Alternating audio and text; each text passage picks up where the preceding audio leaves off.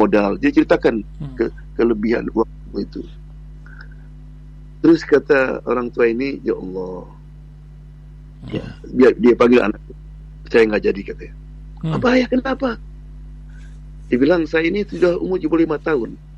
Kenapa saya harus menikmati hidup dengan penderitaan orang lain? Ini anak masih muda, masih masa depan. Mungkin kalau ginjal diambil, kesehatannya terganggu nanti. Tapi tetap itu uang 70 kasihkan sama dia. Masya Allah. Ayah, ini kebanyakan. Tetap jangan sepeser pun jangan di, dikurangi. Kurangin. Nah, dia sudah tawakal. ha. Hmm. Dia punya baik sangka Allah Subhanahu wa taala. Hmm. Sudah dikasihkan. Dia pulang ke Kuwait, dua hari berikutnya pergi ke dokter, dokter kaget. Oh, Ginjalnya berfungsi lagi seperti biasa. Masya Allah. Allah. Kenikmatan sedekah itu luar biasa. Allah mengatakan, "Dawu marzukum bisadaqah." Right? Nah, kemudian kalau kita sekarang kenapa orang banyak di kemarin di Australia ada 30 wanita masuk Islam sekaligus di masjid itu. Hmm. Ya, di sini tiap Jumat kita dengar orang masuk Islam di Amerika Serikat. Ini kenapa? Karena mereka kagum dengan orang-orang Gaza. Jadi bagi mereka ini ini apa? What's behind them? Apa yang membuat orang Gaza ini, you know, rumah mereka dihancurkan, yang korban sudah puluhan, tapi tetap mereka itu tidak ada yang putus asa, tidak ada yang komplain, tidak ada eh, namanya menggerutu atau mengutuk, malah selalu mengatakan Alhamdulillah, hasbunallah wa ni'mal wakil. Kenapa? Karena orang Gaza ini punya husnudzon sama Allah Subhanahu wa taala. Hmm. Ayat Allah mengatakan apa? Apa kata Allah? Kam min fiatin qalilatin ghalabat fi'atan katsira. Berapa banyak kelompok yang kecil bisa mengalahkan kelompok yang besar. Hmm. Yakin di sama Allah Subhanahu. In tansurullah yansurkum. Mungkin Pak Ihsan lihat kemarin ada Hmm. seorang yang tinggal ketika sujud. Iya, Ikuti ya. betul. Iya, Iya, lagi di- sujud, betul. Sujud Ah, di Bekasi saya- sini. Hmm. Hmm. Iya. Ya bangga menghinakan dia padahal dia mendapatkan kehormatan luar biasa. Masya Sudah Allah. mati syahid, Hmm. sujud lagi. Hmm. Hmm. Ya. Saya akan tutup dengan sebuah kisah. Jadi ada seorang raja, dia ingin menaklukkan negeri tetangganya, nggak bisa-bisa. Dikirimlah eh, seorang mata-mata. Ketika sampai di perbatasan itu, lihat ada orang tua dan anak lagi motong kayu. Maka dia datang, didatangi orang tua itu. Ya, kemudian dibujuk-bujuk dia akan dikasih uang banyak kalau dia you know, menyampaikan rahasia yang ada pada negeri itu. Apa kekuatan mereka itu? Kalau enggak akan dibunuh dia. Hmm.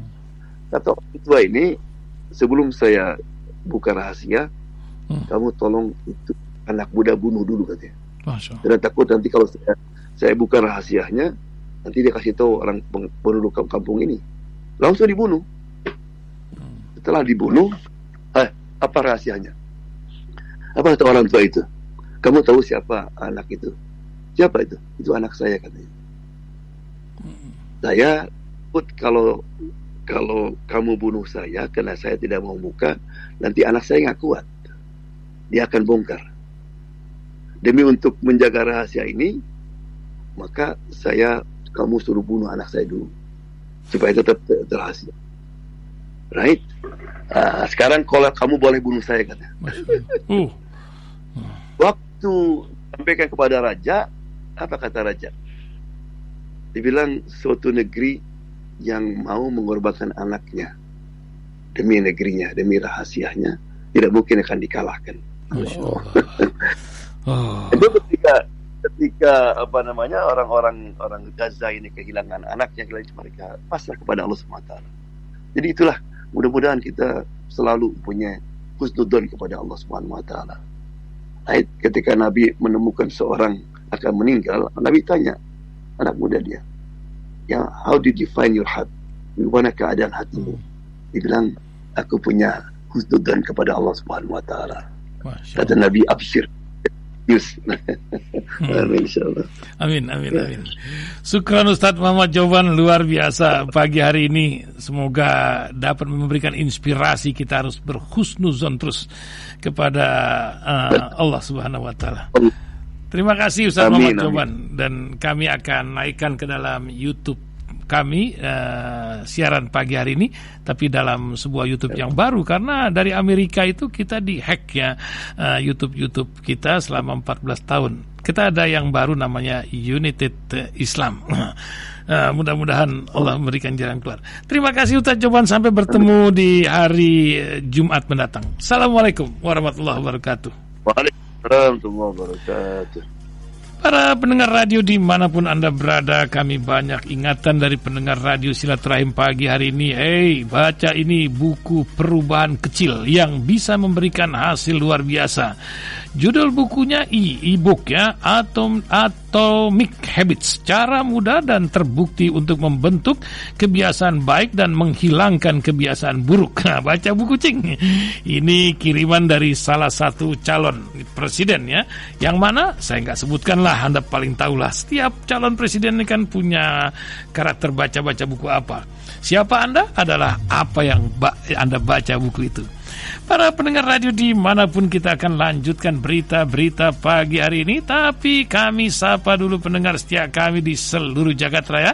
Menjerang 8 berita macam mancanegara yang akan mengakhiri berita-berita di pagi hari ini apa kabar Ibu Kartini Kartikasari Sukron kasih atas segala support untuk radio kita Wakaf kita bersama ini Ibu Uswa apa kabar Bapak Indah Triyoto Bapak Wiriman Ali Umar dan Bapak Novel Sehat selalu Ibu Desi A. Rifinsyah Dan Ibu Febrina Kartikasari serta Ibu Yuni Susanti Ibu Yonida Sofiana dan Ibu Betty Hartati. Para pendengar radio di mana pun kami terus uh, jalani ikhtiar kita dalam berdakwah ini sebuah kerjaan mulia untuk aktivitas kita sehari-hari. Kita pancangkan niat kita dalam beraktivitas untuk selalu berdakwah karena Allah Subhanahu wa taala apa pun profesi kita. Lanjut lagi cing berita-berita dari jalur Gaza, perang Israel Hamas meluas, Kemenlu siap evakuasi WNI dari Libanon. Nah, lo, begini kisahnya di akhir kisah pagi ini. Kementerian Luar Negeri dan Kedutaan Besar Republik Indonesia di Beirut dalam keadaan siaga untuk mengevakuasi warga negara Indonesia di Libanon menyusul perang Israel Hamas yang kini meluas hingga ke Lebanon Selatan. Juru bicara Kementerian Luar Negeri lalu Muhammad Iqbal mengatakan bahwa Kemenlu dan KBRI Beirut terus berkomunikasi dengan WNI dan pasukan perdamaian Indonesia yang ada di Libanon untuk mengetahui kapan evakuasi diperlukan. Sampai saat ini belum ada peringatan dari sistem kami untuk melakukan evakuasi. Namun, pada saat dibutuhkan kami lebih dari siap untuk melakukan evakuasi saudara-saudara kita di Lebanon, demikian Iqbal. Dia katakan bahwa konflik yang saat ini sedang berlangsung di perbatasan Israel dan Libanon jauh dari wilayah Libanon itu sendiri. Meski demikian, Iqbal mengatakan bahwa Kemenlu telah menyiapkan seluruh infrastruktur yang diperlukan untuk evakuasi. Sementara Arab Saudi katakan dari Riyadh di mengutuk Menteri Keamanan Nasional Israel Timan Ben Gvir dan Menteri Keuangan Israel Bezalel Smotrich karena menganjurkan pengusiran warga Palestina dari jalur Gaza. Saudi menyebut ide pengusiran warga Gaza adalah bentuk ekstremisme. Demikian kerajaan Saudi menyatakan kecaman tersebut. Dari Saudi kita terus ke sampaikan kabar murka dari Perserikatan Bangsa-Bangsa yang ma yang marah dengan wacana Israel yang hendak mengusir warga Palestina dari jalur Gaza.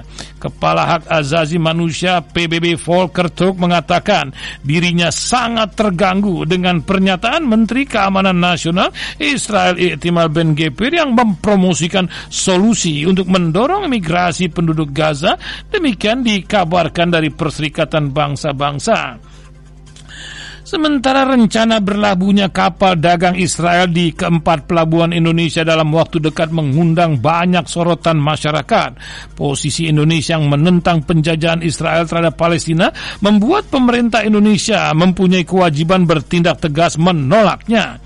Ketua Majelis Ulama Indonesia bidang hubungan luar negeri dan kerjasama internasional Profesor Sudarnoto Abdul Hakim mengingatkan agar tidak ada kelompok apa pun yang bermain dengan rencana berlabuhnya kapal dagang Israel ke Indonesia. Pasalnya, dalam situasi saat ini menurut Prof. Sudar, Sudarnoto, bisa saja ada kelompok tertentu yang meloloskan mereka berlabuh di perairan Indonesia. Saya kira ketegasan pemerintah sangat penting kalau benar ada kelompok apa pun yang mencoba meloloskan, demikian Majelis Ulama Indonesia. Lanjut ke Washington, kita akan sampaikan kabar Gedung Putih yang menilai kelompok pejuang Hamas Palestina masih memiliki kekuatan signifikan di jalur Gaza. Hamas diperkirakan belum tergoyahkan bahkan setelah perang selama tiga bulan melawan Israel yang mengakibatkan kehancuran massal dan pengungsi di daerah kantong yang terkepung itu.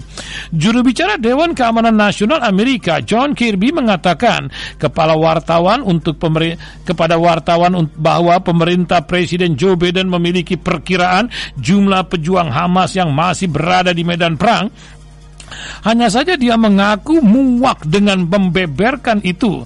Hamas masih memiliki postur kekuatan yang sangat signifikan di Gaza, demikian dikatakannya.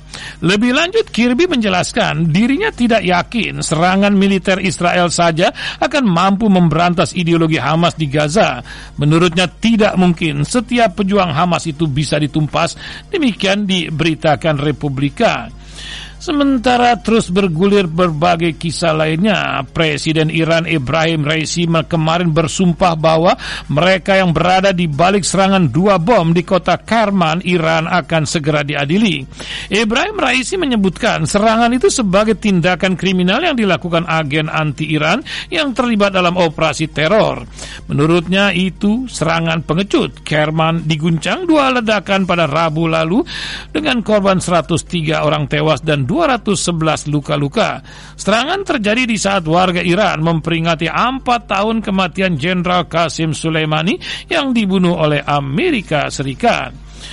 Para pendengar radio di mana pun sementara pasukan Israel mundur, warga Gaza kembali ke rumah-rumahnya.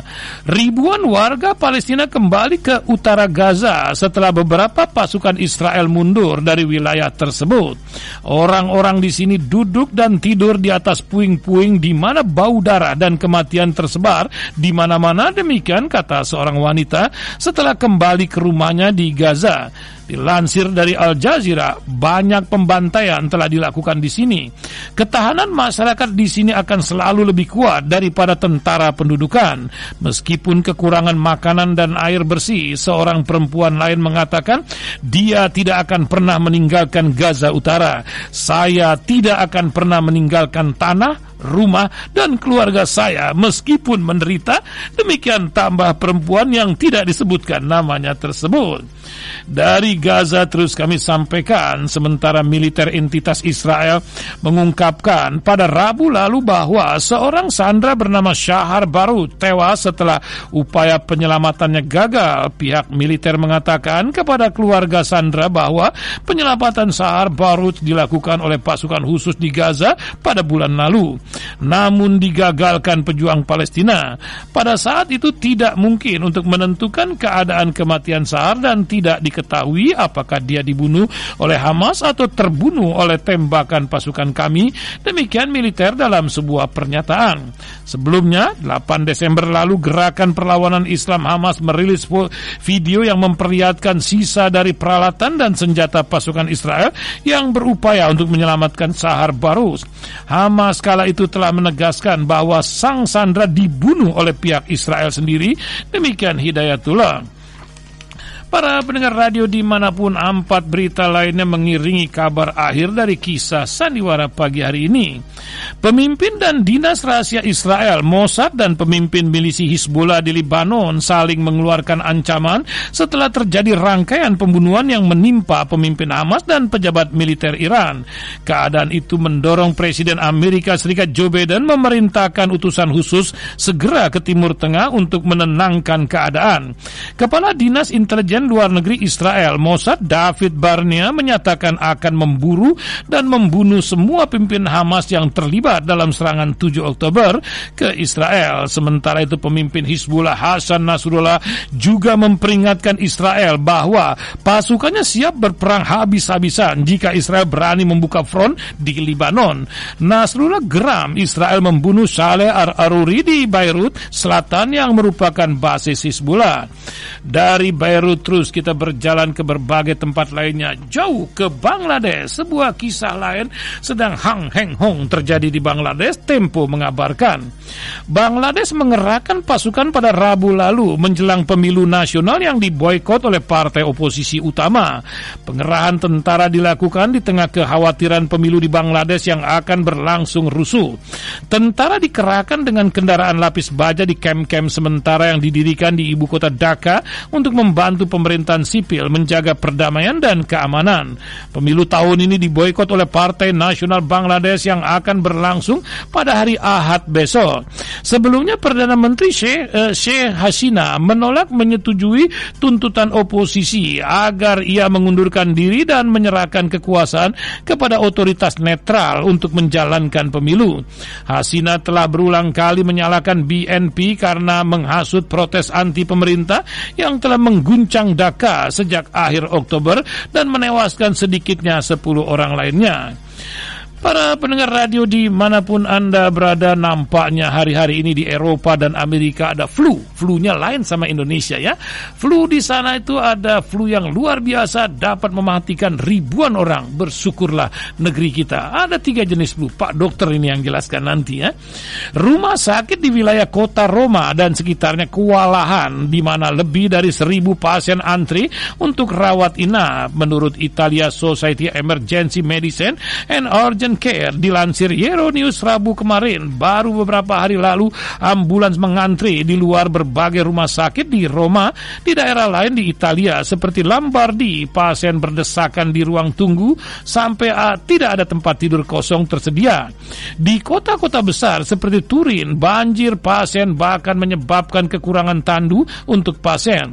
Lonjakan pasien di rumah-rumah sakit Italia disebabkan merebaknya penyakit gangguan pernapasan terutama di kalangan manula COVID agak menurun pekan lalu, sementara flu terus meluas. Tetapi virus-virus lain juga menyebabkan pasien menumpuk di rumah sakit dan memberikan tekanan besar terhadap layanan kedaruratan.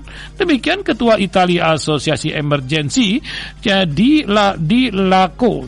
Hari Selasa lalu dilaporkan media tempat para pakar mendesak agar masyarakat mendapatkan vaksinasi influenza terutama karena anak-anak kembali ke bangku sekolah usai liburan tahun. Para pendengar radio di mana pun itulah berita-berita yang dapat kami sampaikan ke ruang dengar Anda pagi hari ini. Menemani Anda sementara banjir terjadi di uh, London. Wow, luar biasa ada rumah seharga 280 nganyut. Demikian sebagian daerah Inggris terendam banjir. Rumah aktor George Colony 280 nganyut. Siapa suruh bikin rumah di pinggir kali ya. Sementara kejadian kereta api di Bandung empat korban korban kecelakaan kereta dibawa ke RSUD Cicalengka. Innalillahi. Itulah kisah terakhir dan bola. Apa kabar bola pagi hari ini? Nampaknya hasil bola telah terangkum dalam berita-berita pagi hari ini. Liga Spanyol dikabarkan Osasuna Almeria 1-0 sementara Girona Atletico Madrid 4-3 untuk Girona. Celta Vigo Real Betis 2-1 dan Real Madrid melawan Mel Cora 1-0. Sementara itu berita-berita yang dapat kami sampaikan dan ditutup dengan skuad timnas Indonesia proyeksi Piala Asia 2023 terbilang mewah karena memiliki 11 pemain yang berkiprah di luar negeri. Selain pemain keturunan, beberapa pemain lokal juga tengah membela klub luar negeri. Mulai dari Marcelino Ferdinand hingga Sadli Ramdhani masih berumput di luar Indonesia, sementara pengalaman para pemain abroad itu diharapkan bisa mendongkrak prestasi timnas Indonesia di Piala Asia mendatang. Perjuangan pasukan Garuda tidak mudah karena berta, ber, tergantung di grup D bersama Jepang, Irak, dan Vietnam. Skuad arahan Sinteyong akan mengawali perjuangan melawan Irak di stadion di di stadion Ahmad bin Ali Stadium di Arayan Qatar Qatar pada 15 Januari mendatang. Demikian berita-berita yang dapat kami sampaikan. Saatnya kami akhiri dengan tajuk Radio Silaturahim. Dan kini kita simak tajuk rasio. Para pendengar radio di mana pun Anda berada, kami akan sampaikan tajuk Radio Silaturahim edisi Jumat 23 Jumadil Akhir 1445 Hijriah.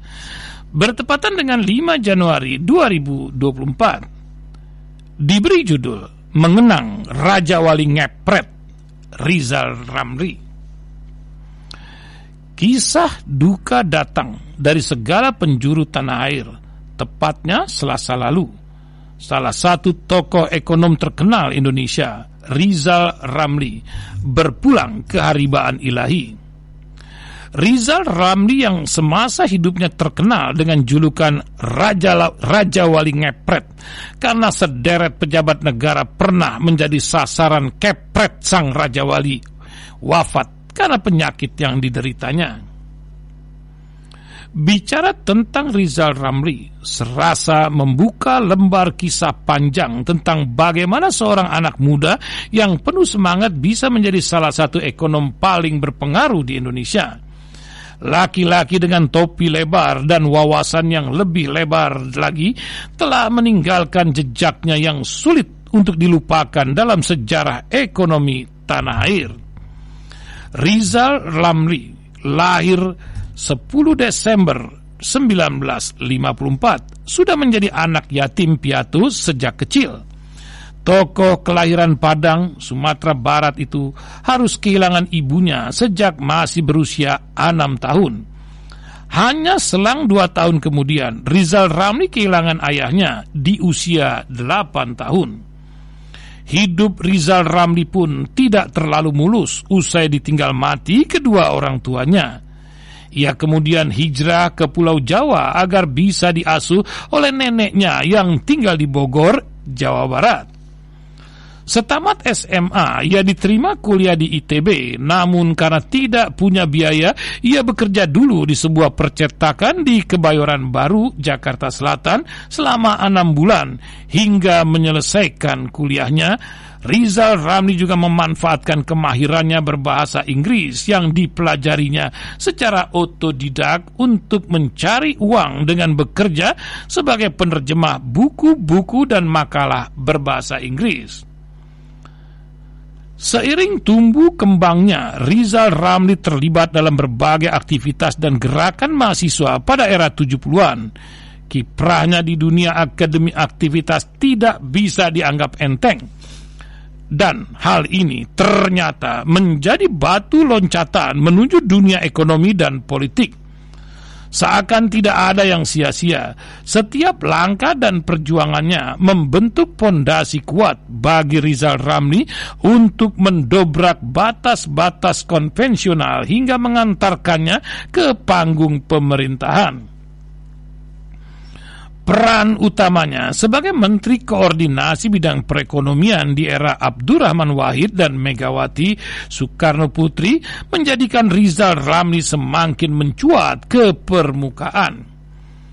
Pengalamannya dalam membawa Indonesia melalui masa-masa krisis ekonomi di akhir tahun 90-an membuktikan bahwa beliau bukanlah ekonom biasa. Mengingat kembali era tersebut tidak bisa dilepaskan dari ingatan bagaimana Indonesia dihadapkan pada krisis ekonomi yang begitu parah. Rupiah anjlok, inflasi melambung, dan rakyat merasakan dampaknya secara langsung. Rizal Ramli dengan segala kepintaran dan keberaniannya mengemban tugas berat untuk mencari solusi terbaik demi menyelamatkan negeri ini dari keterpurukan ekonomi. Pandangannya yang kritis terhadap kebijakan ekonomi terutama terkait dengan hutang luar negeri membuatnya terlihat kontroversial. Namun, tidak bisa dipungkiri bahwa Keberaniannya menyuarakan pandangan berbeda membuktikan kepeduliannya terhadap masa depan Indonesia. Ia bukanlah sekedar ekonom yang duduk di balik meja, tetapi lebih mirip pahlawan modern yang berjuang untuk keadilan ekonomi. Rizal Ramli juga dikenal sebagai sosok yang gigih dalam mengejar keadilan sosial. Ia memiliki tekad kuat untuk mengurangi kesenjangan ekonomi yang begitu mencolok di tengah-tengah masyarakat.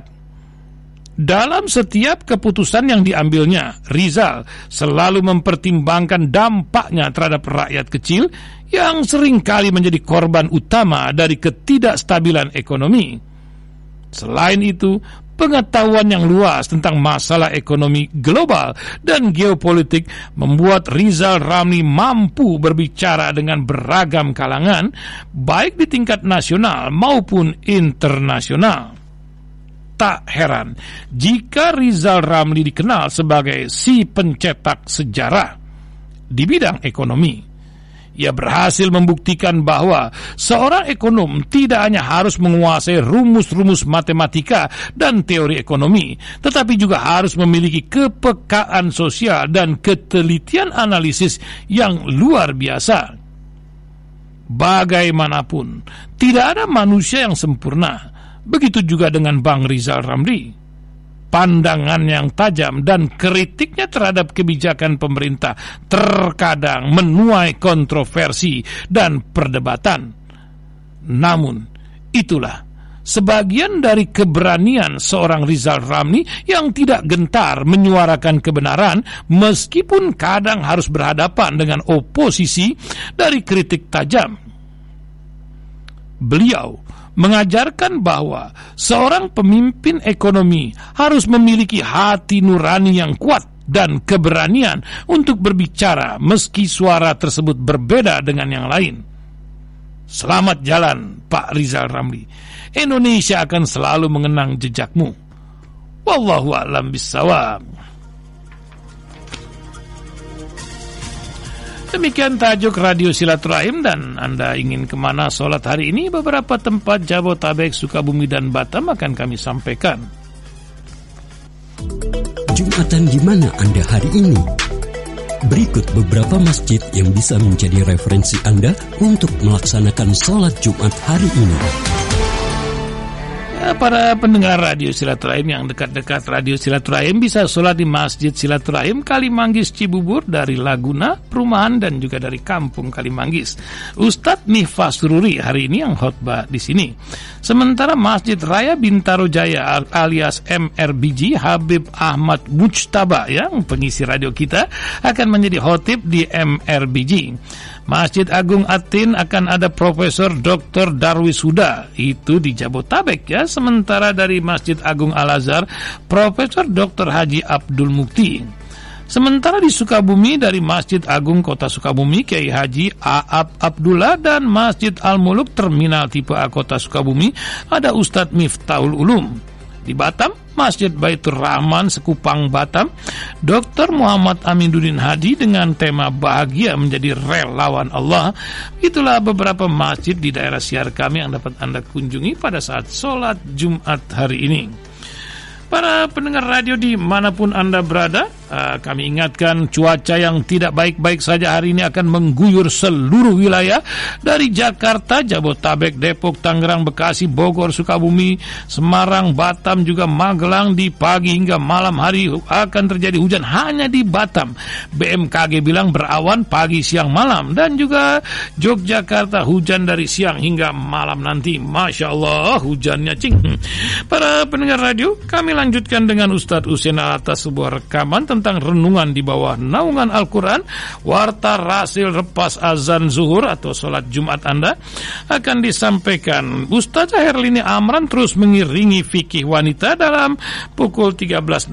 Tausiah sore bersama Ustadz Ahmad Soleh mengiringi Anda pada Ba'da Asar nanti. Anda dapat dengarkan Mi'rat News Agency dengan berbagai kisah di uh, dunia dan Indonesia akan mengiringi ruang dengar Anda malam hari nanti. Indonesia Leader Talks. Setelah itu akan diisi oleh Hendrajit masih tentatif ya juga Mardiku The Bossman bersama uh, tema peta geopolitik menyambut pemilu. Demikian judul yang ditempelkan di sana. Mudah-mudahan fix ya ini kabar dari manajemen Indonesia Leader Talks bersama Rocky Gerung dan Mardani Alisera. Para pendengar radio di mana pun anda berada kami ingatkan jadwal sholat untuk Jakarta dan sekitarnya sebelum kita dengarkan doa untuk Palestina yang harus kita aminkan untuk makbulnya doa serta Indonesia Raya dalam stansa 3 sebuah stansa yang jarang didengar dari beberapa radio. Nampaknya cuma radio kita ini ya dengan stansa 3 para pendengar zuhur 12.02 untuk Jakarta asar 15.27 menit maghrib 18.16 menit dan isya 19.31 menit Waktu subuh esok hari pukul 4.21 menit. Para pendengar radio di mana pun Anda berada, selalu kami ingatkan di hari Korps Wanita Angkatan Laut. Pagi hari ini, kami selalu ingatkan ke ruang dengar Anda di akhir kisah sandiwara ini. Sholatlah tepat waktu dan usahakan untuk selalu berjamaah. Wabillahi taufik walidayah. Assalamualaikum warahmatullahi wabarakatuh. Demikian topik berita hari ini. Dapatkan informasi terkini melalui AM 729.